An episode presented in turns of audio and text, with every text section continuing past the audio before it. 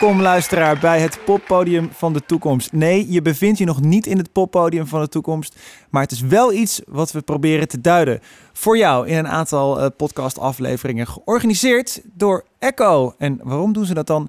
Nou, Echo is dit jaar 35 jaar. Een jubileum, ja, niet heel veel te vieren helaas uh, en niet heel veel om te feesten, maar juist wel een mooi moment voor wat bezinning. En om even te kijken vanuit de huidige situatie, hoe was het vroeger? Hoe zijn we hier gekomen? En vooral, hoe kijken we naar de toekomst?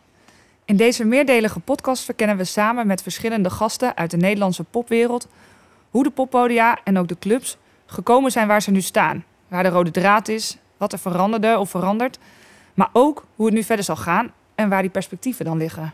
Ik ben Alfred van Luttekhuizen. Mijn naam is Margriet Kolenbrander en samen met onze gasten gaan we op zoek naar het antwoord op de vraag: hoe ziet het poppodium van de toekomst eruit? In deze aflevering kijken we niet alleen naar het poppodium zelf, maar ook vooral naar de omgeving van dit poppodium. Het is namelijk niet een, eh, een eiland dat op zichzelf staat. Het staat op een bepaalde plek, heeft te maken met allerlei invloeden van buitenaf. Nou, hoe verhoudt een poppodium zich nou tot andere podium in de stad of zelfs in het land? Vormt een podium zich naar de culturele identiteit van een stad of kan een podium juist bijdragen aan die identiteit? Allemaal vragen waar we het komende uur antwoord op gaan vinden. Veel vragen, Alfred. Ja, veel te veel vragen, ik weet het. Gelukkig hoeven we dat niet alleen te doen. We gaan deze vragen vandaag beantwoorden met Johan Gijzen en Frank Vaai. Johan, mag ik bij jou beginnen? Jazeker. Fijn, leuk dat je er bent. Welkom overigens. Ja, welkom. Voor de uitnodiging. Ja. Leuk. Leuk om weer een echo te zijn ook. Ja, dat voelt goed hè? Ja, heel goed. Ja. Had jij dat ook, dat je binnenkwam dat je van... hé, hey, dit, is, dit is een poppodium? Nee, ja, het voelt altijd heel vertrouwd hier. Het, ik heb wel vaker al ik steek het niet onder stoel of banken dat de Echo een heel geliefd podium is. Waar ik ook heel veel uh, herinneringen heb en geschiedenis heb. En uh, nou, afgelopen maanden ook af en toe aan een vergadering gehad hier, waar ik toch even de zaal in loop. Nee, ik vind het gewoon heerlijk om, om hier, hier een Echo te zijn. Ja, is fijn hè? Johan, je bent oprichter en directeur van de Guess Who. Oud-programmeur van Tivoli, of toen nog Tivoli. en niet te vergeten voormalig Utrechter van het jaar. Dat blijft me ook achtervolgen. Ja, dat, ja. en wat je ook achtervolgt is dat je uit Roggel komt, toch? ja, en dat ik vroeger bij het poppodium De Sjog in Roggel werkte. Dat, uh, dat achtervolgt me ook, uh, ja? inderdaad. Ja. Maar ja, ja. er zijn vast nog mensen die dit verhaal willen weten. Wat is er gebeurd tussen uh, De Shore en nu, waar je nu bent? Nou, De Shore daar begon ik op mijn 15 al eigenlijk als vrijwilliger. Dat was in 1990, zeg dat goed? Ja, dat zeg ik goed. En daar heb ik ja, tien jaar lang vrijwilligerswerk gedaan. Dus een beetje het vak geleerd. En uh, ik mocht in 2000 aan de slag als assistent programma bij Tivoli. En dat was voor mij wel een droom die uitkwam. Uh.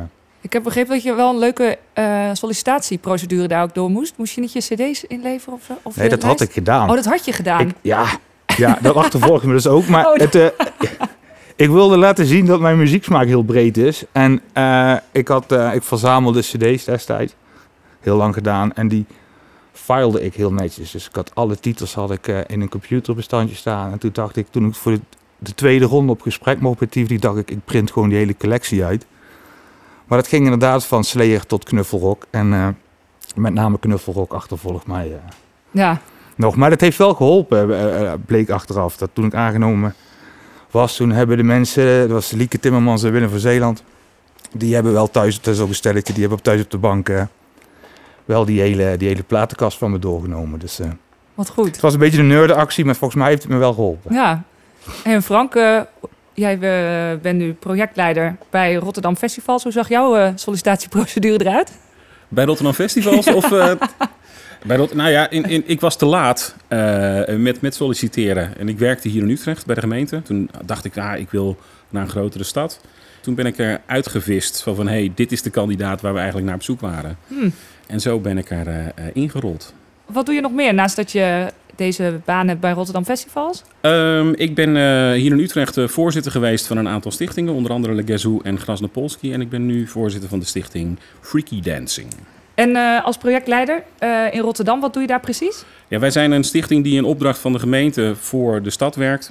wij, wij zijn een beetje de accounthouder van alle festivals. Dus ik ben daar bijvoorbeeld accounthouder van Noordzee Jazz, zorgt dat alle subsidie goed geregeld wordt voor het zomercarnaval, de Wereldhavendagen.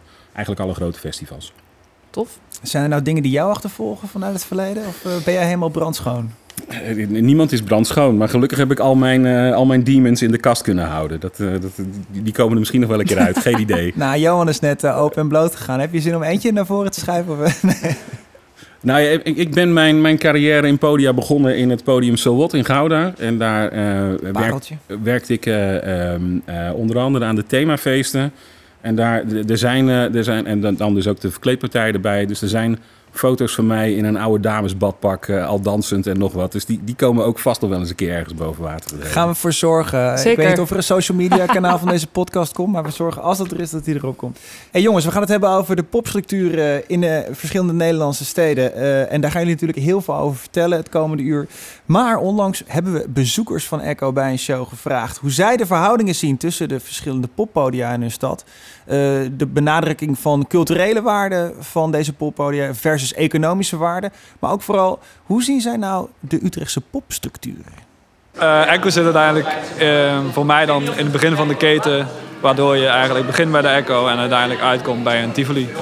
Ja, toen ik in Utrecht woonde was het altijd wel strijd om Echo open te houden, om het belang eh, te, te belichten. Ik merk wel dat het belang nu heel erg eh, wel wordt gezien, omdat Echo een belangrijke plek in de keten heeft. Dus als we een bandje, ga je eerst in D-Week staan, dan ga je in Echo staan, dan ga je in de Helling staan, dan in Tivoli Vredenburg. Dus, dus de plek die is wel eh, duidelijk veroverd. De uitdaging is natuurlijk wel om, om je profiel als scherp podium altijd te houden. Dus eh, het kan soms moeilijker zijn, makkelijk zijn om eh, eh, grote artiesten te boeken en makkelijk publiek binnen te halen. Maar soms zie je met 100 mensen je favoriete nieuwe band. Ja, het is natuurlijk ook een soort van een avond van vermaak. Maar, eh, nou, maar in het algemeen vind ik het ook belangrijk voor een, voor een stad, voor een maatschappij. Eh, het is natuurlijk niet een, al een economische waarde, maar ook een culturele waarde. Als je ook kijkt naar bijvoorbeeld wat een Tivoli Vredenburg doet voor een stad als Utrecht. Ik vind dus voor mezelf vind ik popconcerten echt heel erg belangrijk. Maar voor de economie denk ik dat het niet belangrijk is. Maar dat kan ik niet onderbouwen. Hoe belangrijk dat je, denk je dat poppodia zijn voor de Nederlandse economie? Eh, ik denk dat het vooral het belangrijkste is vooral de maatschap, maatschappelijke factor. Eh, ja, het heeft wel zo zijn economische waarde als, als je denkt aan ticketverkopen en uh, horecaomzet. Maar niet de grootste. Ik, ja, het is niet het eerste waar ik aan denk als je aan een economische crisis denkt. En dat is, dat is vaak misschien het probleem ook. Dat een economische crisis, dat, dat je uiteindelijk het laatste kijkt naar poppodia. Omdat het misschien niet de meeste impact heeft op de economische uh, situatie. De overheid denkt dat je, als je er input in stopt, dat er dan ja, ook wat uit moet komen in economische zin, zeg maar. Uh, ja, en dat ze cultuur als een investering zien. En dat er dan, ja, uh, dat is echt een misvatting volgens mij. Als we het hebben over de mentale economie.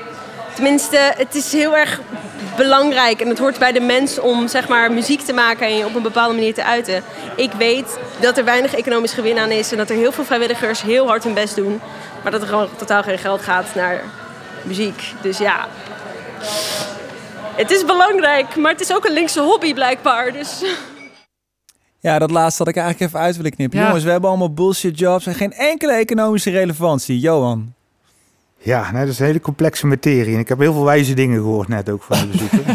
nee, dat meen ik serieus. Maar ik, ik, denk, ik, denk dat, ik denk dat de economische waarde van poppodia, dat die er zeker is, maar dat dat ook bijvangst is. En ik denk dat het heel goed is dat, dat, dat wij poppodia en popfestivals dat ook zeker meenemen in onze lobby naar de Tweede Kamer. Of naar de overheid.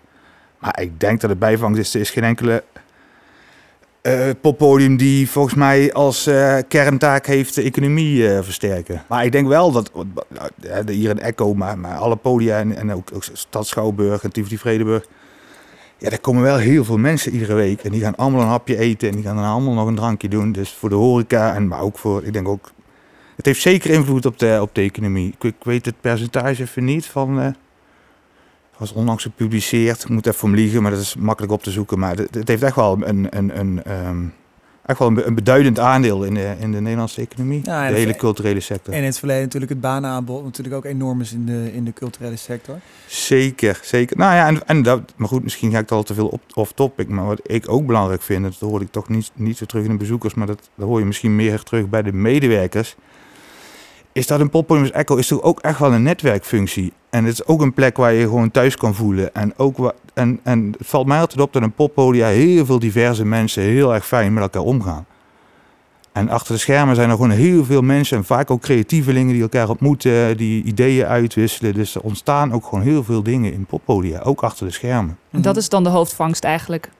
Nou, de hoofdvangst vind ik is, is toch gewoon dat je, dat je kunst of cultuur aanbiedt en dat mensen daarvan genieten. Dus, dus eigenlijk is het heel plat gezegd, je verkoopt emotie Ja, of zo. Hè? Dat, dat is volgens mij de kerntaak. En, eh, Maar daar zit dan ook juist een groot gedeelte van die economische waarde in. Het is, eh, een, in een interview heeft eh, de directeur van ASML dat wel eens gezegd tegen de gemeente Eindhoven. Ik kan huizen regelen, ik kan banen regelen. Ik kan eigenlijk alle hardcore dingen regelen om mijn personeel te werven. Maar waarom zou iemand uit Korea in Eindhoven komen als vervolgens Eindhoven een hele saaie stad is? Dus gemeente, investeer in de Effenaar, investeer in Glow, in, in, in eh, de Dutch Design Week, in dat soort dingen. Om juist te laten zien, hey, Eindhoven is een hele gave stad, daarom komen mensen hier wonen. Een van de redenen waarom Utrecht zo'n gave stad is, of een van de redenen waarom veel mensen in Utrecht willen wonen, is omdat het een gave stad is. En dat is mede, wordt dat veroorzaakt, omdat je hier zo'n hele goede keten van, van poppodia en andere cultuur hebt. Ja, grappig woord. Dat, dat, komt drie keer terug. En ik vond het heel bijzonder dat eh, bezoekers van Echo het woord keten in de mond nemen. Ze Ja, vond ik ook nog, ja goed. Maar dat- erg woke, eh, de bezoekers die net aan het woord zijn. Ja. Maar leg even uit, wat is in vredesnaam een keten? Nou, je kan het zien, dat, dat werd ook al een beetje kort in het fragment omschreven. En, en daar was het begin, eh, eh, was, ehm, was bij Echo dat je eigenlijk een, een, je begint met een klein podium en je hebt een groot podium. Ik denk dat je daar zeker nog, en ik denk dat ook in de discussie, eh, hoop ik ook zo meteen dat we nog een extra lans voor D-Base en de situatie waar zij in zitten kunnen breken. Want dat is ook een belangrijke rol. Je hebt de opleidingen, muziekopleidingen. Je hebt kleine plekken waar bandjes kunnen, kunnen optreden en waar, waar bandjes kunnen oefenen. Daar hoort D-Base bijvoorbeeld bij. En vervolgens zou je dus kunnen doorgroeien uiteindelijk van inderdaad Echo, Helling naar, naar de verschillende zalen in Tivoli, Vredenburg en zo. Eh, heb je in ieder geval dat optreed, eh, eh, die optreedketen, zeg maar, met een, om, het maar lelijk te zeggen. En vervolgens daaromheen heb je nog al die opleidingen, toeleveranciers, nou ja, heel veel ZZP'ers. Dat zit er allemaal nog omheen, waardoor je dus een veel breder, eh, een veel bredere cultuur hebt, een veel bredere maatschappij hebt in, op het gebied van muziek en poppodia. Ja, en voor de duidelijkheid, D-Base is een oefencentrum in Utrecht eh, met een eh, twintigtal oefenruimtes waar beginnende artiesten dus eigenlijk niet alleen een plek krijgen om op te treden, maar ook wellicht een showtje kunnen doen. Ja, en die nu, waar nu de situatie onder druk staat, omdat de plek waar zij zitten, die wordt ontwikkeld. En het, is maar, het blijft onduidelijk of zij nog in die nieuwe, nieuwe ontwikkelingen ook nog een plek kunnen houden. En zeker ook op de plek waar ze zitten aan de Cartesiusweg, met daarbij het filmcafé en, en oproer en daar om de hoek. Met de nijverheid en alle dingen die bij eh, het bedrijventerrein Cartesiusweg gebeuren. Heeft DB's gewoon daar een hele belangrijke rol. Want het is een klein podium en een oefenruimte. En het zou zonde zijn als je die laagste instap eigenlijk, als je die weghaalt. En dat is zowel op amateurniveau als op professioneel niveau. Ja, want hoe zien jullie dan de Utrechtse keten? Eh, We gaan het zo ook over Rotterdam natuurlijk. Hè? We kunnen het ook over Den Haag en Groningen hebben. Maar jullie zijn in Utrecht en eh, desbetreffend Rotterdam eh, zeer actief. Hoe zie jij die, die Utrechtse keten? Is dat een gezonde keten, Johan? Ik ga, het is het laatste keer dat ik het woord keten probeer te zeggen trouwens. Hij is, ja, goed.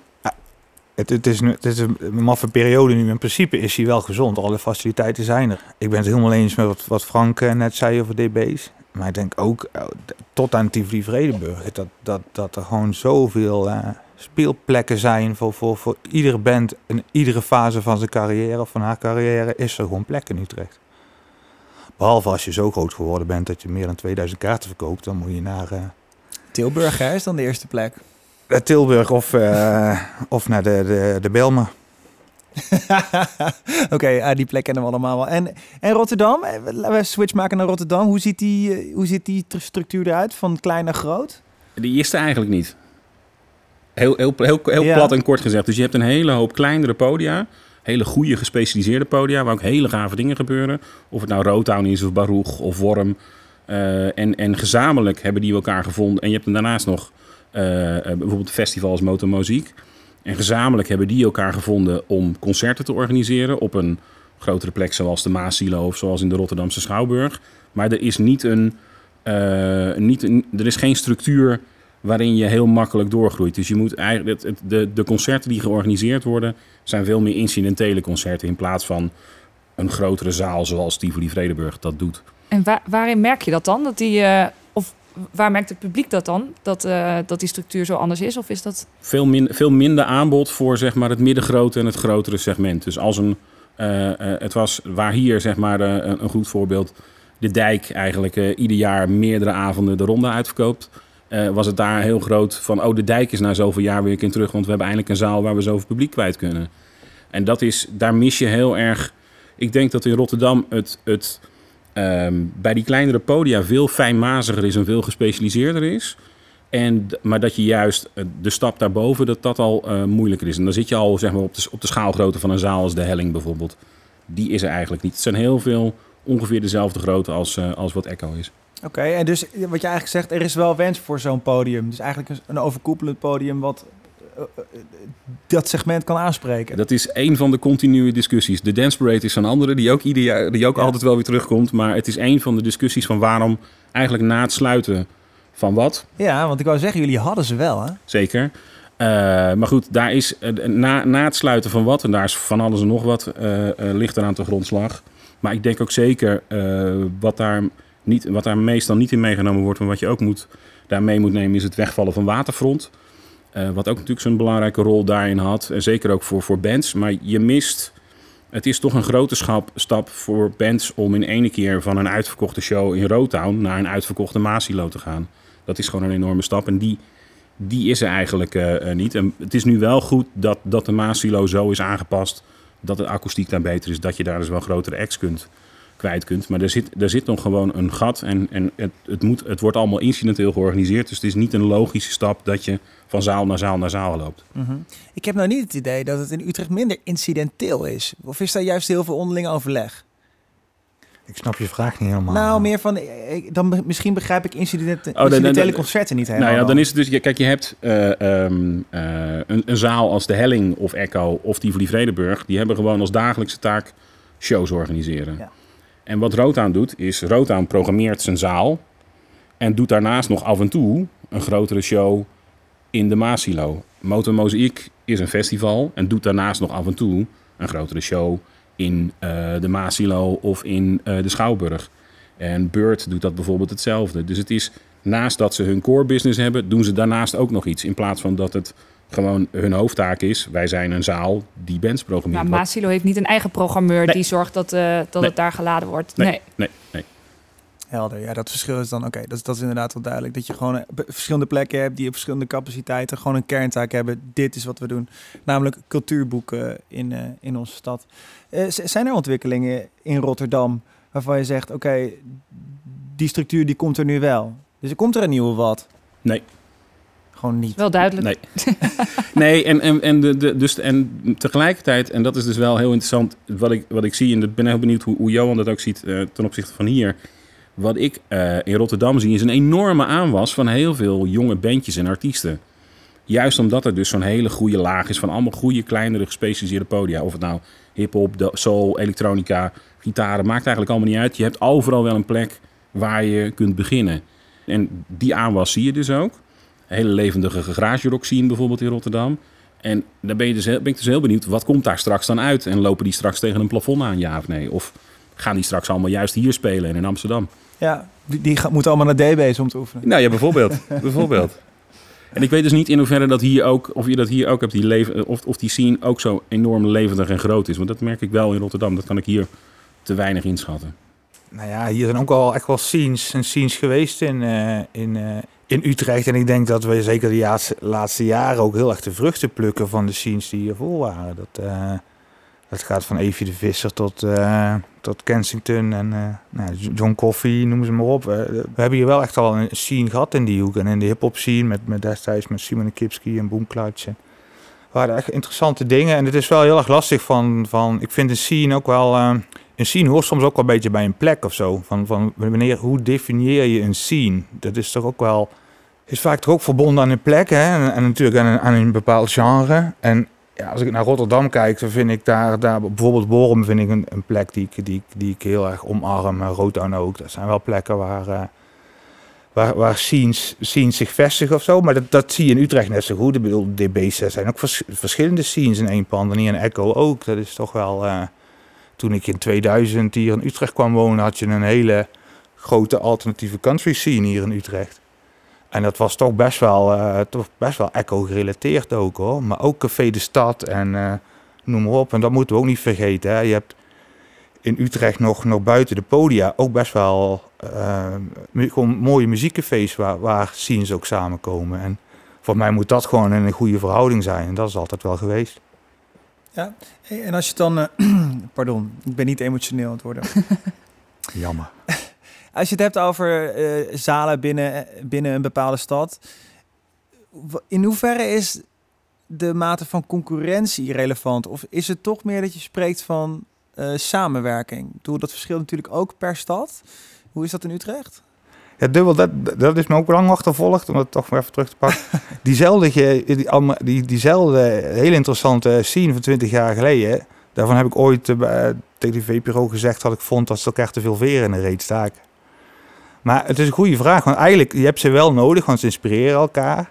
Alleen het, het gevaar, denk ik, en denk dat ook wel Utrecht is, dat iedereen elkaar dan ook een beetje beschermt en omarmt. En ik denk dat in Rotterdam het allemaal gewoon wat harder is. Daar vinden ze gewoon geen flikker aan en eh, hup, terug de studio in en, eh en eh, probeer weer opnieuw. Denk ik hoor, maar dat, dat heeft meer met de mentaliteit van de steden te maken. En als je naar andere steden kijkt, het Nijmegen Ja, of ik- Amsterdam. Ja, Amsterdam vind ik best wel onoverzichtelijk. Daar gebeurt zo ontzettend veel.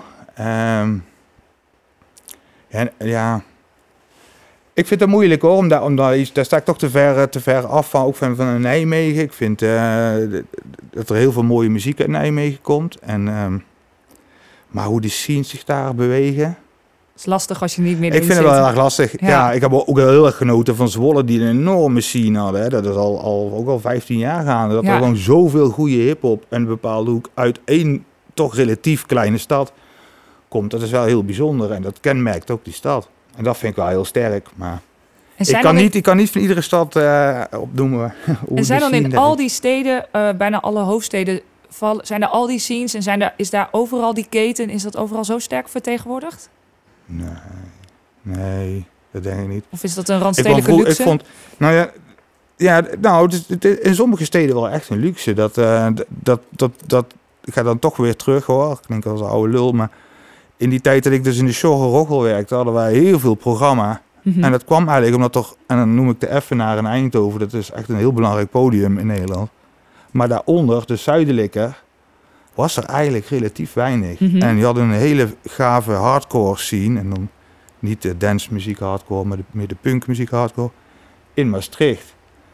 Eh, maar je had eigenlijk best wel, je had daar een hele grote scene, maar eigenlijk niet, niet voldoende plekken om op te treden. En ik denk dat je daar Groningen ook bij kunt rekenen. Dat is natuurlijk ook een, een, een relatief kleine stad. Maar als je daar ziet hoeveel podia en hoeveel verschillende podia ze daar hebben. En, ook heel, en met heel mooi programma ook. Als je kijkt naar de Simplon en Vera bijvoorbeeld. Ja, dat heeft ook te maken omdat ze daar relatief geïsoleerd liggen. En met, met flinke afstand ten opzichte van andere podia. Maar toch een hele grote studentenstad zijn. Ja, dus relatief heel veel vraag hebben en weinig aanbod, want maar Ja. één stad. En, dat is, en kun je dat dan ook naar de Randstad verklaren, dat daar eh, het aanbod dan misschien wel eigenlijk te groot is? Het aanbod van de podia bedoel Ja. je? Nee, ik denk dat die nog te klein is. Dat Te denk, klein? Dat denk ik ook, ja. Ja, dat denk ik wel. Ja. Ik, ja, dat denk ik wel. Ik hoor verbazing, eh, Alfred. Nou ja, als je het bekijkt, hoe, hoe, hoe- hè, de hoofdsteden en de grote steden hebben natuurlijk al heel veel podia, maar ook de, de kleinere steden die zijn met een poppodium vertegenwoordigd. Ik leef in de veronderstelling, ja, die is echt puur op eh vingerspitsengevoel gebaseerd, dat er zo'n enorm aanbod aan zalen is, vooral in West-Nederland, eh, dat, Ik- dat ze elkaar eh, eh, in de weg zitten. Nee, ik denk, ik denk eerder dat het andersom is. Ik denk, ik denk dat er juist, in het, juist niet in het Westen, dat daar te veel grote podia gebouwd zijn. En, en ik denk dat we daar de middelgrote en de kleine podia missen. Dat er daar meer mogen komen. En ik denk dat hier in de Randstad er zoveel vraag en aanbod is, dat, dat, dat er echt nog wel wat bij kan. Als je ziet hoeveel uitverkochte concerten er wekelijks plaatsvinden, vonden, die hier ook in Utrecht of in Amsterdam, dat is echt aan de lopende band. Dus er is veel meer vraag nog dan dat er aanbod is. Interessant. En zeker als we het toch over de toekomst gaan hebben. Want we hebben natuurlijk best wel een tijdje stilgelegen met de COVID. Straks wordt het aanbod aan de artiestenkant wordt, wordt, ja, wordt gigantisch. En er zijn er veel te weinig speelplekken. Dat is mijn grootste zorg voor de toekomst. Behalve dus de provincie. En daar zijn de speelplekken wel. Daar zijn de- ja, en En ook grote speelplekken. Alleen lastig is van randstedelingen is dat ze heel moeilijk naar de provincie trekken voor een De show. ring uit is al eh, te veel. Ja, nou ja, dat is wel, dat is wel een ding. Dat, eh, dat, eh, daar zijn fantastische podia. Alleen die, die, die ook heel veel publiek trekken, maar, maar niet op alle genres, niet op alle, niet op alle concerten. Nee. Dat is gewoon een feit. Dat, dat, ja, dat merkten we vroeger in Limburg ook. Mhm. We hebben oud-voorzitter van ECHO, Herman Dummer, gevraagd ook eh, wat zijn visie is over, over de poppodia en het aantal daarvan. Misschien kunnen we daar even naar luisteren. elke stad vond het op een gegeven moment gewoon heel belangrijk om een poppodium te hebben. En ehm, ik heb afgelopen oktober Dutch Media Week georganiseerd. Eh, een van de sprekers was eh Vrije van de Effenaar. En die zegt ook terecht, vind ik, er zijn gewoon te veel poppodia op dit moment in Nederland. Ik bedoel, ik ben een groot voorstander van poppodia, maar als je gaat kijken en het gaat doorrekenen van wat het allemaal kost en de bedieningsgebieden van de poppodia, ja, dat, dat is gewoon overdreven. En, en volgens mij is Utrecht wat dat betreft goed, goed bedeeld qua, eh, qua, qua, qua poppodia eh, buiten, buiten de commerciële zalen om. Nou, Komt toch dat economisch belang weer om de hoek kijken, hè? dat. We hebben veel te veel poppodia, Johan. Je hoort het. Ik ben het er toch niet helemaal mee eens. Hoor. Nee. Ik denk wel dat je, dat je moet toevoegen. Dat door best wel veel nieuwbouw wat er, eh, ik denk zo tien jaar geleden plaatsvond op poppodiumgebied, dat die podia eh, hele hoge exploitatiekosten hebben, waardoor zij niet meer alles kunnen programmeren wat ze zouden willen programmeren. Ehm, ik ga toch een beetje diep op de materie in, maar wat je dan krijgt is dat, er, dat alles wat je doet eigenlijk ook gewoon zichzelf moet terugverdienen. Dus eigenlijk betekent dat heel, heel zwart-wit dat wat je de band geeft, moet je aan de deur terugverdienen. Dat zie je vaak omdat er hoge exploitatiekosten zijn. Terwijl ik het juist heel erg belangrijk vind dat poppodia ook eh, risicovol moet, moet programmeren. Dat niet alles één op één terug te verdienen is. En dat er dus ruimte komt voor talent, voor verbreding, voor verdieping. En daar zit volgens mij het knelpunt. En dan kan je zeggen, er zijn te veel podia. En ik denk dat, ik denk dat heel veel podia te weinig middelen hebben om, om mooie dingen te kunnen programmeren. En daarmee dus ook geen eigen smoel kunnen ontwikkelen. En dat je dus veel dezelfde podia krijgt. Ik denk dat daar ook wel het... Doordat je geen risico kan nemen of durft te nemen. Krijg je inwisselbare agenda's eigenlijk. Want je weet, oh ja, maar ik moet die act... Weet je, dan, dan krijg je dus... Dan, dan doet de, de jeugd van tegenwoordig doet overal een rondje of delict. Want dan weet je, ja, dan, daar zet ik mijn zaal mee vol. Wat ook gewoon fantastische live shows zijn. Maar als ze overal langskomen, krijg je dus overal inderdaad hetzelfde aanbod. Ja. Of te veel hetzelfde aanbod. En dus eigenlijk hebben ze een kat in de zak. Dus al die podia die eh, een jaar of wat geleden naar hypermoderne panden zijn verhuisd. Daardoor die soort hoge exploitatiekosten op hun bord hebben gekregen. Iets wat heel mooi is, hè? professionalisering, prachtig nieuw pand. Maar dat het eigenlijk daardoor onmogelijk is geworden om eigenlijk hun kerntaak uit te voeren wat ze deden. Ja, of je draait het om, want, want die, al die gemeentes die hebben echt wel eh, goed ingezien dat, het, dat een podium heel belangrijk is voor je stad en voor je dynamiek in de stad. Ik denk alleen dat het, dat het niet moet stoppen bij het neerzetten van dat pand. Een gemeente moet ook zijn verantwoordelijkheid nemen om dan ook voor te zorgen dat daar gewoon hele interessante dingen gebeuren. En ik denk dat het in de end zich ook allemaal terugverdient. Ja, Ik nou, denk iedere euro die je in een poppodium stopt, die krijg je, die krijg je eh, En dat- in drie, drievoud terug. Dan doel je ook op wat eh, Frank net zei, toch? Die leefbaarheid en het eh, Ja. mooi Ja, maken van de stad eigenlijk. Ja, zeker, zeker. Ja, ik wil even terug naar eh, wat eh, cultuur, in dit geval muziek, dan voor, de, voor zo'n culturele identiteit van een stad doet. Hè? Kun je dan stellen dat cultuur en popmuziek een aanjager is voor een bepaalde leefbaarheid in de stad? Ja, zeker. Als je gaat kijken naar hoe, hoe Rotterdam de afgelopen tien jaar is veranderd en hoeveel erbij is gekomen, hoe, hoe verschillende plekken ontwikkeld zijn. Bijvoorbeeld een plek als Worm, waar Johan het net over had. Eerst toch allemaal nog een beetje vaag hoe het precies zat. En nu een prominente plek eh, op de hoek van de Witte de Witstraat, midden in een grote uitgaansstraat. En daar dan juist weer eh, het andere geluid laten horen ten opzichte van die horeca die er zit. Eh, hoe eigenlijk de binnenstad ook verder ontwikkeld is. Dat is voor een groot gedeelte kun je daar ook hebben daar een hoop culturele spelers daar een, een, een belangrijke taak in. En ook gebieden die misschien soms wat afgelegen waren. Soms ook gewoon echt, echt achtergebieden. De, plek waar, waar, waar Beurt zit, het oude Hofpleinstation, was toch ook een beetje een, een loesje omgeving. Nou ja, dat is ook gewoon enorm in de lift. Waar Annabel zit, eh, eh, en, en een, bijzondere, een bijzondere tak van poppodium, een, commerciële, een commercieel poppodium. Dat hele gebied daar, eh, rondom het schieblok, waar ook de Biergarten zit en waar het hiphophuis zit. Ja, dat is ook gewoon, dankzij die spelers daar, is dat ook gewoon een hele gave, levendige plek geworden. Dus zeker. Ja, dus echt een buitengebied dat door komst van cultuur inderdaad echt een, een hele levendige plek is geworden. Ja, en in dit geval nog ineens een buitengebied, want het ligt gewoon naast Rotterdam Centraal. Maar het was gewoon de Rotte Kies. En daar zat bijvoorbeeld de Hollywood vroeger. En hij had toch een beetje zijn, had, had puur zijn eigen publiek. En nu, je kunt zien dat door die culturele spelers daar, en je hebt de Club Toffler die daar ook om de hoek zit. Daardoor kun je gewoon zien dat, dat, zo, dat zo'n gebied zich ontwikkelt. En dat geldt voor de nieuwe binnenweg rondom, eh rondom Rotterdam geldt dat ook. Ja, ja, wat tof. Ja, je ziet het natuurlijk ook wel. Ik bedoel, ik ken één bekend voorbeeld dat bijvoorbeeld eh, een stad als Detroit compleet eh, to burn to the ground. Eh, De auto-industrie was daar weg. De, cult, de, de, artiesten komen in een wijk, krijgen gratis woonruimte, maken daar iets fantastisch van, aanzuigende werking op, op, op, op andere mensen, waardoor zo'n stad weer tot leven komt. En uiteindelijk eh gentrificeert. Hoe zeg je dat in het Nederland? Gentrificeert? Eh, Margriet, jij bent goed met woorden. Nou, nee hoor. Ah, nee. Deze pak je niet over. En, en het geinige is, dat is dus al een theorie van eind jaren 60 van Jane Jacobs, eh socioloog en, en geografe, die al zei, eh, new ideas in old buildings. En dat is precies dat verhaal van je hebt een, een oude rotte wijk, zeker in New York zijn er ook gigantisch veel voorbeelden van. Daar trekken kunstenaars in. Ik denk de ontwikkeling van Brooklyn hoort, kun je daar bijvoorbeeld eh, heel, nou, Manhattan trouwens ook.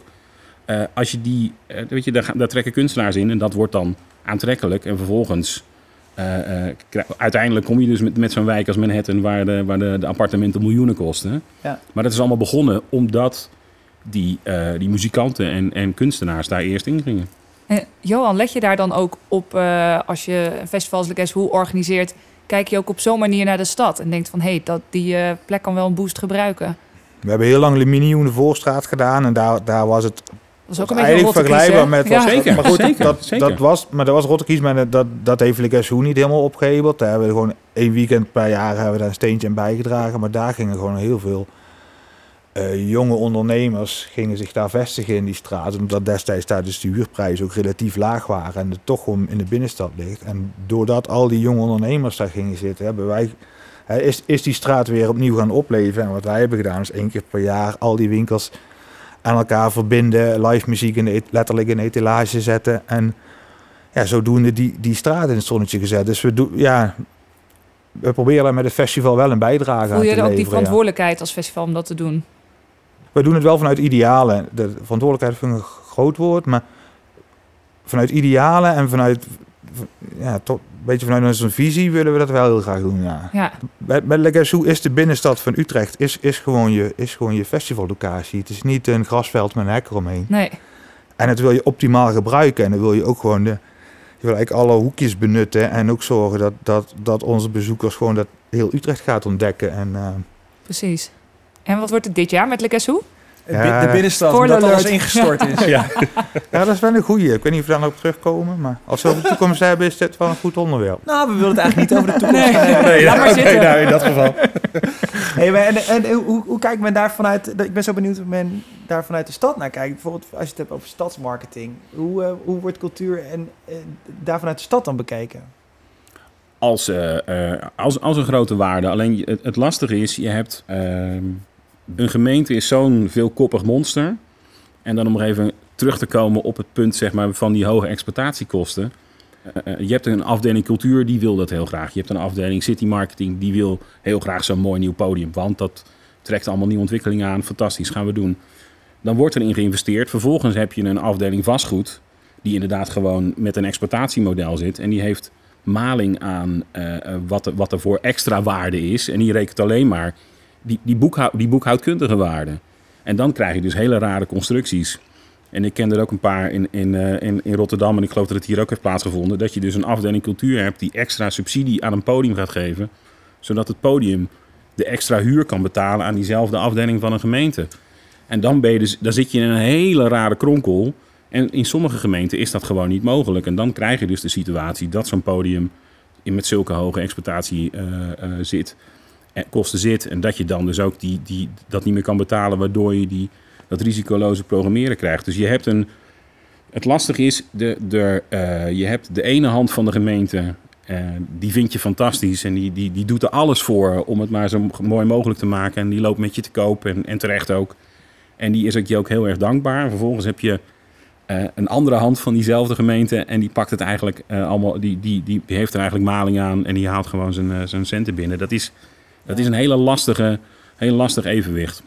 Ja, het is, het is, eh, het is je redder en eh, je ondergang tegelijkertijd. Ja, het is, het is, het is je grootste liefhebber en, en misschien in sommige gevallen wel je grootste vijand tegelijkertijd. Ja, dat is een, eh, dat is een hele gekke tegenstrijdigheid. Maar dat is wel wat er op veel plekken plaatsvindt. Ja, en merk je dan dat er zo'n profilerende kracht, dat dat dan op een gegeven moment wel eh, eh, belangrijker wordt geacht dan een economische werkelijkheid of zo? Ja, want ik denk ook, eh, als, dat niet, als dat niet het geval is, dan hadden wij hier nooit zo'n zalencomplex, om het maar even zo oneerbiedig te zeggen, als Tivoli Vredenburg had. Dat is wel ook de, de reden waarom je zo'n grote investering doet, is niet alleen maar om die plek, om dat stationsgebied een extra boost te geven, maar dat heeft ook met extra uitstraling, met de wens om binnen dat stationsgebied een grote culturele trekker van nationaal en internationaal niveau te hebben. Dus uiteindelijk eh, zorgt dat belangen wel voor dat dat soort investeringen gedaan worden. Ja, ja, ja. Kijk, als je het hebt over internationale profilering, heb je natuurlijk North Sea Jazz, wat enorm belangrijk is. Zeker. Hoe werkt dat? Heb je het dan over aantallen internationale mensen die hier naar de stad komen, dat dat dan belangrijk is? Of dat er een bepaalde mediawaarde aan hangt? Of, of commerciële waarde? Wat is dan Alles. Alles? Alles. Nou, dan ben ik is- best wel ver. Goed antwoord. Nee, het, is, het, is, het is echt een optelsom. Dus wij kunnen, du- dus, dus, eh, dus de, de, de, de stad Rotterdam eh, eh, investeert jaarlijks in, in, in North Sea Jazz. Zijn we ook hartstikke blij mee. Maar dat, daar, wat je daarvoor terugkrijgt is, eh, is heel veel internationale uitstraling op verschillende media. Zowel eh, publieksmedia als de vakmedia. Eh, daarmee wordt je imago versterkt. Alle hotels zitten vol. Eh, meer dan vol. Zelfs eh, in de regio zitten alle hotels vol. Dus dat betekent ook gewoon heel, heel plat toeristenbelasting en alle andere, allerlei andere inkomsten. En je hebt ook nog eens een keer eh, professionals die erop afkomen. Dus het is, het is en, en, en, en, en, en, en, en daarom investeer je in dat soort grote, grote festivals. Wat we daarnaast in Rotterdam nog heel bewust doen, is eigenlijk wat, wat Le Guess Who al uit zichzelf doet. Dus naast het hoofdfestival ook nog in de wijken een, een, een fringe-programma doen. Heeft, eh, heeft de stad Rotterdam eigenlijk meteen gezegd... als wij nou Noordse Jazz hebben, en daar, gaan we vol voor... Ahoy helemaal vol, dan gaan we er ook voor zorgen dat er een heel stadsprogramma omheen is. Dat heet Noordse Roundtown. Waarbij we juist die jazz naar alle wijken toe brengen... zodat iedereen in juni en juli ook gewoon meemaakt... dat we Noordse Jazz in de stad hebben... en dat er heel veel jazz in de stad is. En op die manier eh, breng je een gedeelte van die investering...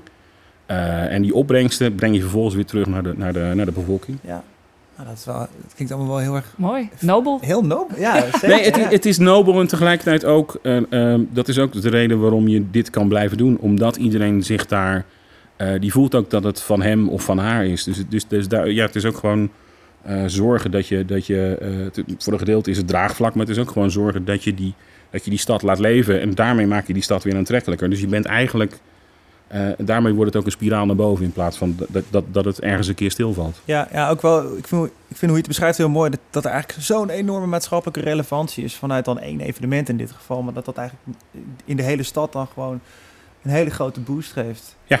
Eh, nou, dus met de keten zit het dus wel snor hier in, eh, in Nederland.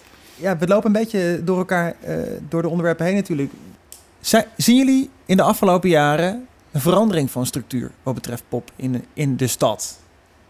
Ja, je hebt nu wat jullie net beschrijven, eh, een main event. In de wijken doen we daar dingen omheen. Dat is iets wat nu is. Was er dat vroeger ook zo? Of, hè? Ik, ik, denk, ja.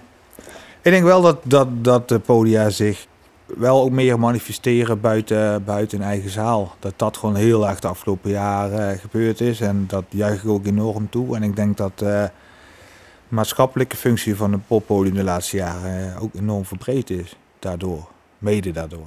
De, de poppodia in Nederland zijn en het is ook zo vrij zwart-wit en een beetje generaliserend, maar de meeste zijn echt wel ontstaan vanuit een bandjescultuur. Het wel een beetje linkse alto-tent of zo. En je Mhm. ziet nu al dat die poppodia, dat, dat, dat karakter, dat is niet meer zo links komen ze ook en niet zo meer mee weg. underground. Nee, dat is veel breder. Ze hebben veel breder publiek en ja, dat, dat zijn wel trends die, die de laatste tien jaar of misschien wel langer al, al ingezet zijn. En dat vind ik gewoon heel sterk. Dat, het poppodium is veel meer een, een hoeksteen van de samenleving geworden.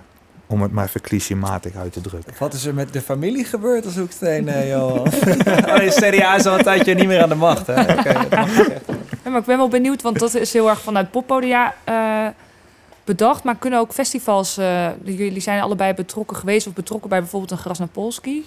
Dat is helemaal uit zichzelf ontstaan. Dat verhuist dan van Radio Kootwijk naar ergens diep in Groningen. Hoe ga je dan om met je, met je omgeving en eh, midden in het bos? Nou ja, Grasnapolski is een voorbeeld van een van die festivals die, die juist zijn omgeving daar heel erg bij betrekt. En, en ook het verhaal, eigenlijk is de locatie is misschien wel de grootste headliner van, van het affiche. Mhm. Dus zeker ook in het begin eh, eh, bij Radio Kootwijk werd juist het verhaal van de plek verteld. Nu, nu is het in, eh, in Scheemda, in de fabriek De Toekomst. En wat, daar, wat ze daar heel goed doen, is juist het verhaal van die plek vertellen. Van de Graanrepubliek, van de geschiedenis. Hoe is die plek daar zo ontstaan? Waarom staat die fabriek daar in één keer naast de snelweg? Wat een super gave plek is. Wat kun je er allemaal beleven? En ehm, We draaien nu eigenlijk om. Hè? Wat Ja. voor invloed heeft... Hè, we, hebben nu, we hebben het gehad over de invloed van een podium slash festival of cultuur op een omgeving, een stad. Maar eigenlijk meer de invloed van de omgeving op het evenement. De move die jullie gemaakt hebben inderdaad naar Groningen toe. Heeft, heeft jullie dat bezoekers gekost? Aangezien de omgeving zo belangrijk was.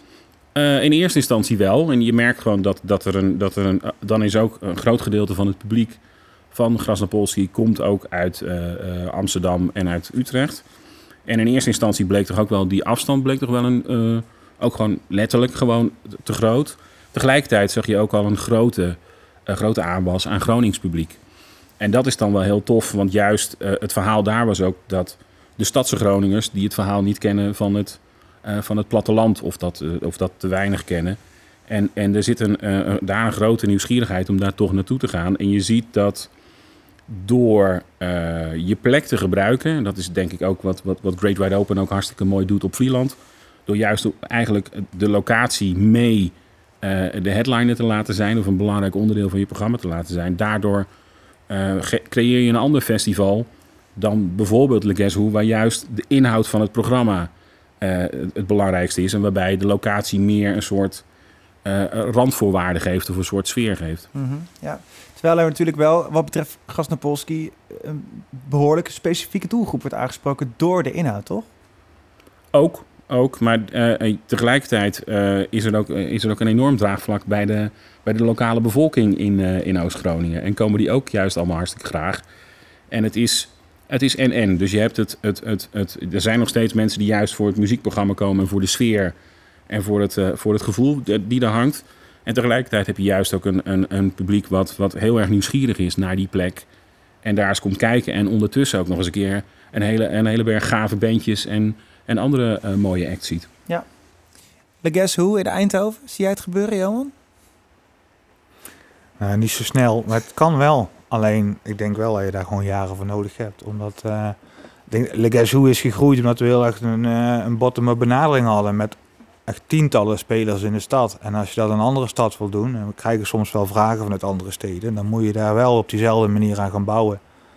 Je kan niet ineens het programma van Le in Eindhoven of in Lissabon gewoon neerplempen en je hebt Le Guess. Dat, moet, dat is ook het wel het goede in Utrecht, als we het toch over het keten hebben. Eh, het was hier ook wel heel erg makkelijk, of relatief makkelijk, om al die neuzen dezelfde kant op te krijgen. Dat, dat de hele stad voelt van, nou, als we nu allemaal eh, het beste beentje voorzetten, dan kunnen we van het event iets heel groots maken. En dat kan volgens mij in iedere stad, maar daar heb je echt wel een jaar of vijf voor nodig om dat, eh, om in ieder geval je basis eh, goed te krijgen. Ja, ik geloof dat het Primavera Festival doet dat wel, toch? Die gaan en naar Barcelona Ja. en naar Porto. Of... Maar Primavera is in principe wel gewoon een, eh, een industrieterrein met een hek eromheen. Ja, En, heel eh, andere opzet. en dat is een hele andere opzet. En ehm, wij, wij gebruiken met Legacy het afgelopen jaar iets van 40 locaties waar live muziek te zien is. Ja, dat, dat is moet wel in harmonie met elkaar. En ik weet gewoon dat, en zeker al, want heel veel vragen om Legacy te verplaatsen kwam ook uit het buitenland. Ja, je moet wel al die zalen en theaters en podia, die moeten wel meewerken. En er moet geen onderlinge concurrentiestrijd binnen je festival van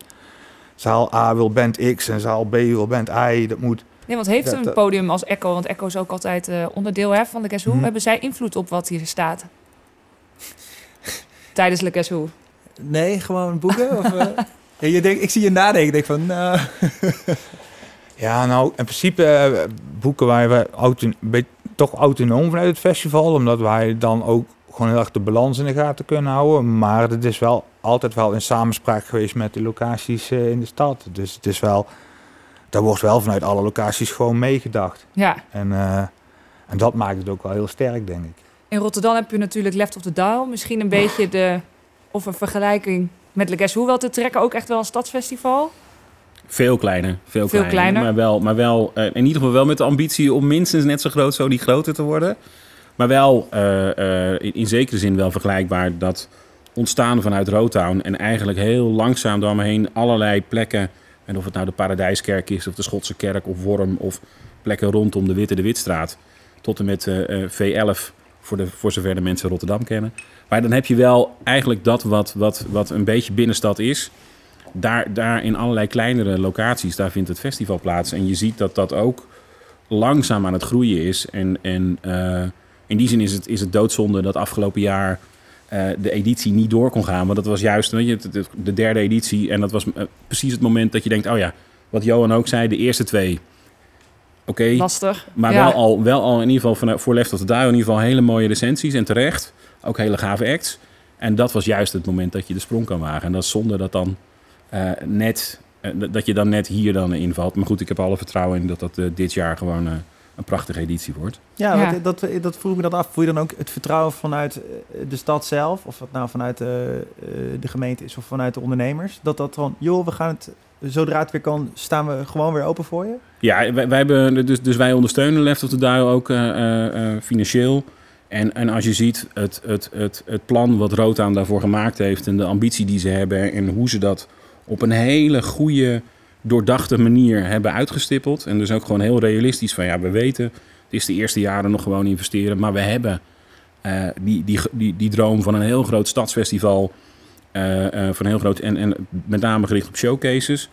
En, en nou ja, juist dat geeft heel veel vertrouwen. En ook, eh, wat ook heel veel vertrouwen geeft, is dat die eerste edities, die hebben gewoon waargemaakt wat, wat, wat ze van plan waren. En, en je ziet daarin ook gewoon, je ziet de potentie, je ziet de bezoekersaantallen groeien. Al veel buitenlands bezoek, wat ook al heel knap is voor, voor het festival wat- maar twee edities heeft plaatsgevonden. Dus, dus het heeft, je ziet alle potentie, zie je, er, eh, zie je erin. Ik krijg eigenlijk heel veel hoop als ik naar jullie beiden hoor praten. Leuk, Ik word hè? eigenlijk heel Ja. erg blij van eh, de ontwikkelingen die jullie, eh die Nee, maar jullie dat, dat, vertellen. dat, dat moet je ook houden. En het is, weet je, het is nu nog, we moeten er nu nog doorheen door alle eh, COVID-ellende. En dat zal dit jaar, eh, hebben we gewoon echt nog een jaar te maken met op zijn minst nog de nasleep ervan. En in zekere zin ook nog gewoon de actualiteit. Maar eh, er is heel veel moois en heel veel goeds. Wat er, wat er ook gewoon klaar staat. En wat er al, wat al bezig was voordat COVID eh, toesloeg. Ja, ja. ja, heb het over de toekomst, hè? Eh, wat is de toekomst op de korte termijn voor Le Guess Who bijvoorbeeld? Nou ja, dat is, wel, eh, dat is eigenlijk wel een goede vraag. Wij hebben ooit genoemd uh, Le Guess Who is ever-changing format. En dat zal ook zo blijven. We zijn in principe ook wel een, eh, een chameleon geweest de af, de, in ons, in ons 14,5 jaar bestaan. Ehm, ik vind het heel moeilijk om, daar, eh, om dat al vast te leggen waar de toekomst ligt. Ik denk dat wij ehm, eh, heel erg werken vanuit idealen, hoe esoterisch dat ook klinkt.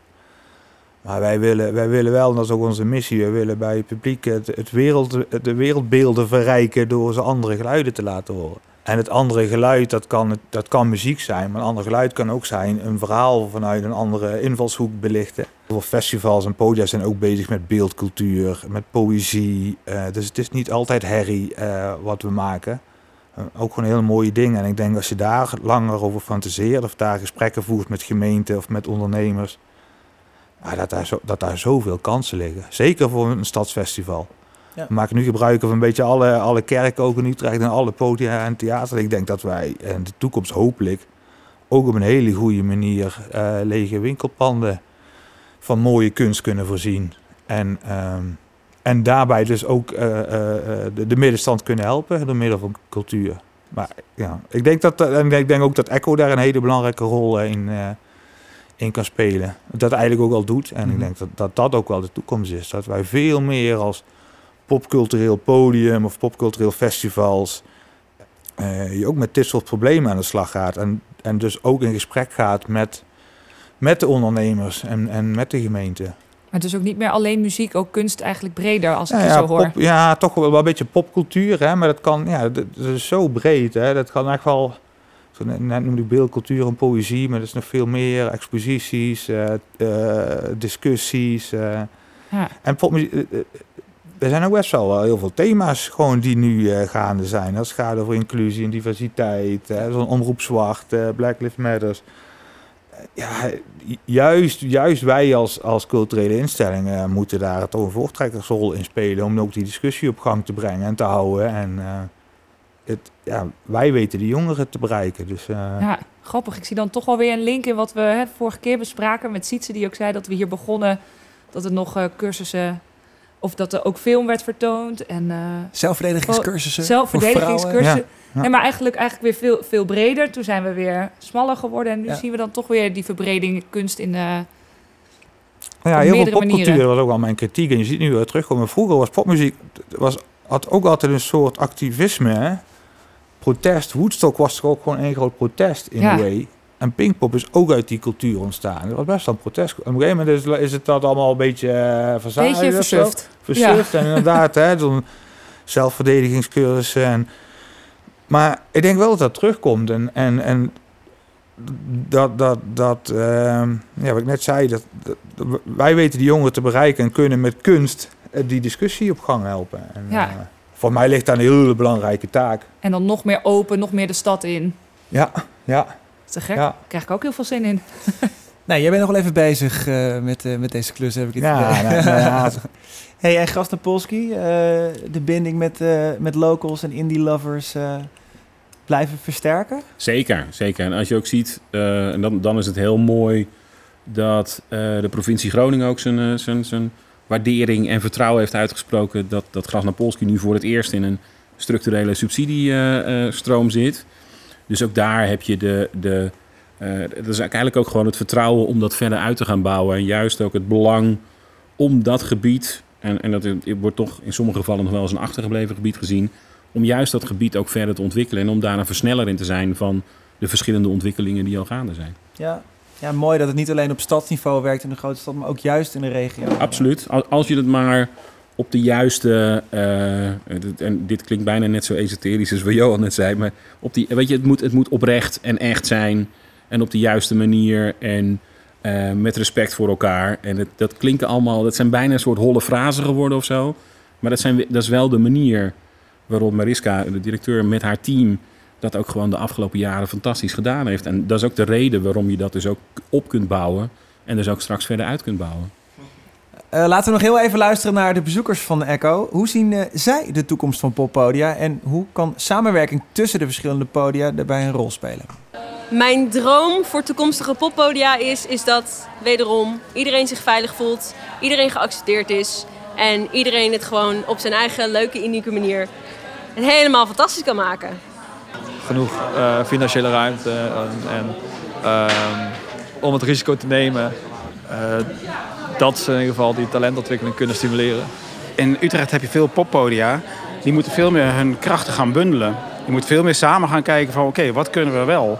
En, en niet blijven hangen in wat kunnen we niet. En ik snap dat dat moeilijk is. En ik snap dat het allemaal verschillende podia zijn. Met allemaal verschillende directeuren en besturen. Maar eh, bundel alsjeblieft de kracht.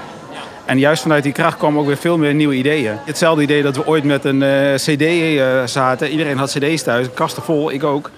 En vervolgens komt Spotify. Ja, weet je, eh, de wereld is anders. Eh, je moet er meegaan, je moet creatief blijven. Juist als poppodium. Bundelen die handel. Toch? Ja, De krachten. Zeker, en een chameleon zijn, hè? wat jij net al zei, Johan. Zijn we dat genoeg gaan doen in Utrecht, de krachten aan bundelen? Ja, volgens mij, ik denk dat wij in Nederland wel de best practice zijn als Utrecht. Dat durf ik wel eh, in alle bescheidenheid te zeggen. Ja, nou, maar het mag Dat ook gezegd echt. worden, Nou, toch? Dat, ja. gaat, dat gaat supergoed. Dat ook, nou ja, dat, eh, het, najaar, eh, het najaar van vorig jaar Echo gewoon ook heel veel concerten in, in TV organiseren. Zodat daar gewoon wel de capaciteit is. Dat is al, al, al één concreet voorbeeld van dat die podia goed samenwerken. En ik denk dat het Who Festival ook, ja, dan val ik in herhaling, maar...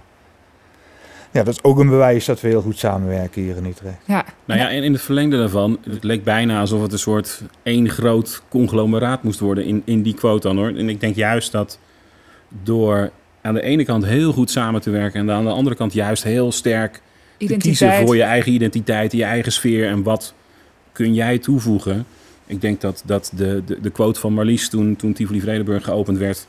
En van, nee, Echo is nu juist extra belangrijk, want we hebben Tivoli Vredenburg... maar dan is Echo juist van groot belang om een ander geluid te laten horen. Ja. Dat, dat moet je wel vasthouden. En dat je daarnaast nog fantastisch goed kan samenwerken, ja, dat, dat, dat bewijzen ze nu al. Maar ik denk, die, die eigen identiteit is ook wel cruciaal. Ja, one size fits no one, toch? Precies, Ja. precies, precies. Ja. Ja, ik vond die quote van die eerste bezoekster en die vond ik wel, wel tof. Want dat zou wel heel sterk zijn van die plekken waar je gewoon eh, jezelf kan zijn. Waar iedereen veilig waar is. ieder- Ja. veilig is, waar iedereen uniek is. Ik dacht, nou, dat was wel heel sterk geformuleerd. En daar ben ik het ook helemaal mee eens. Daar begonnen we ook een beetje mee, volgens mij, eh, een uur geleden. Dat vond ik heel sterk. Ja, duidelijk. Prachtig, jongens. Ik vind het een hartstikke mooi einde. Ja. En rest ons de hamvraag. De hamvraag. Ja, het is eh, logisch. De podcast heet zo. Hoe ziet het poppodium van de toekomst eruit, Frank? Ik denk aansluitend bij een van de quotes zojuist eh, en wat Johan ook zei, al, eh, het poppodium van de toekomst is een plek waar iedereen zich veilig voelt en waar je juist eh, heel veel verschillende kleine niches hebt, maar wat wel, die wel allemaal op die plek samenkomen en dat op die manier ook dat podium op een hele mooie manier verbonden is met de stad of de plaats waar het podium gevestigd is. Johan? Ja, dit is lastig. Frank gaat mij quoten. Dus nu kun jij een Sorry quote Johan. Sorry Johan. Jullie zijn eensgezind Ja, over... we zijn eensgezind. Maar, eh, nou, maar ja, het is geen antwoord op de handvraag. Maar eh, het, poppodium zal eh, heel belangrijk zijn in de toekomst. En dat, eh, voor mij moeten we dat ook onderstrepen. Zeker. Eh, Frank, Johan, bedankt voor jullie komst. Te gek om jullie inzichten te horen. We kunnen nog uren doorgaan. Dat doen we niet. Nee, dat doen we een volgende keer weer. In de volgende aflevering bekijken we het poppodium van de toekomst vanaf de bühne en de backstage. Dan praten we over het leven als toerende muzikant langs verschillende podia en festivals en muziekinhoudelijke ontwikkelingen bij poppodia. Juicy Stories dus, met Maurits Westerik van Bewilder... en niet te vergeten festivaldirecteur van Best Kept Secret... en Annelotte de Graaf van Amber Arcades. Je vindt deze podcast elke twee weken in je favoriete podcast-app... of via de social media van Echo. Tot de volgende keer. Tot dan! Doei doei! Thank you.